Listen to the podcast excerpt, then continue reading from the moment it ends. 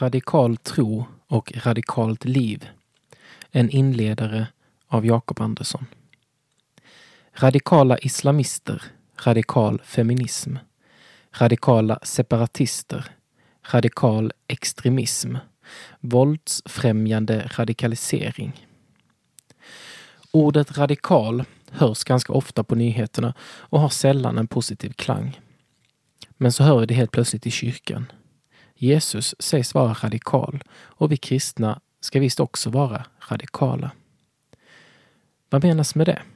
Först måste vi förstå att ordet radikal inte bara har betydelsen revolutionär, våldsam, upprorsmakare eller extrem. Ordet radikal kan också användas i en vidare mening om något som är grundligt, långtgående, fullständigt eller genomgripande. Den som driver saker till sin spets och den som låter hela livet påverkas av något kan kallas radikal. I den meningen kanske ordet radikal faktiskt fångar något av vem Jesus är och vad det innebär att vara kristen. Detta nummer handlar om radikalitet. Det är inget oproblematiskt begrepp och därför vill vi förklara och reda ut det, men mest av allt visa hur radikal kristen tro faktiskt är.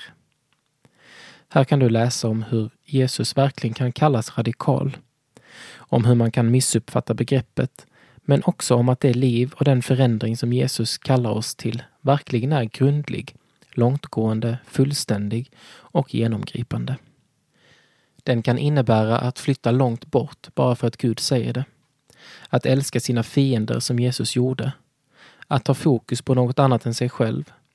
Och det kan innebära något så trist som goda rutiner och prioritera gudstjänsterna i sin församling. Jesus kallar dig att följa honom. Det handlar om hela dig. Det handlar om ett helt nytt sätt att leva och det handlar om att följa den mest radikala personen i världshistorien. Därför är kristen tro och kristet liv radikalt. Bön.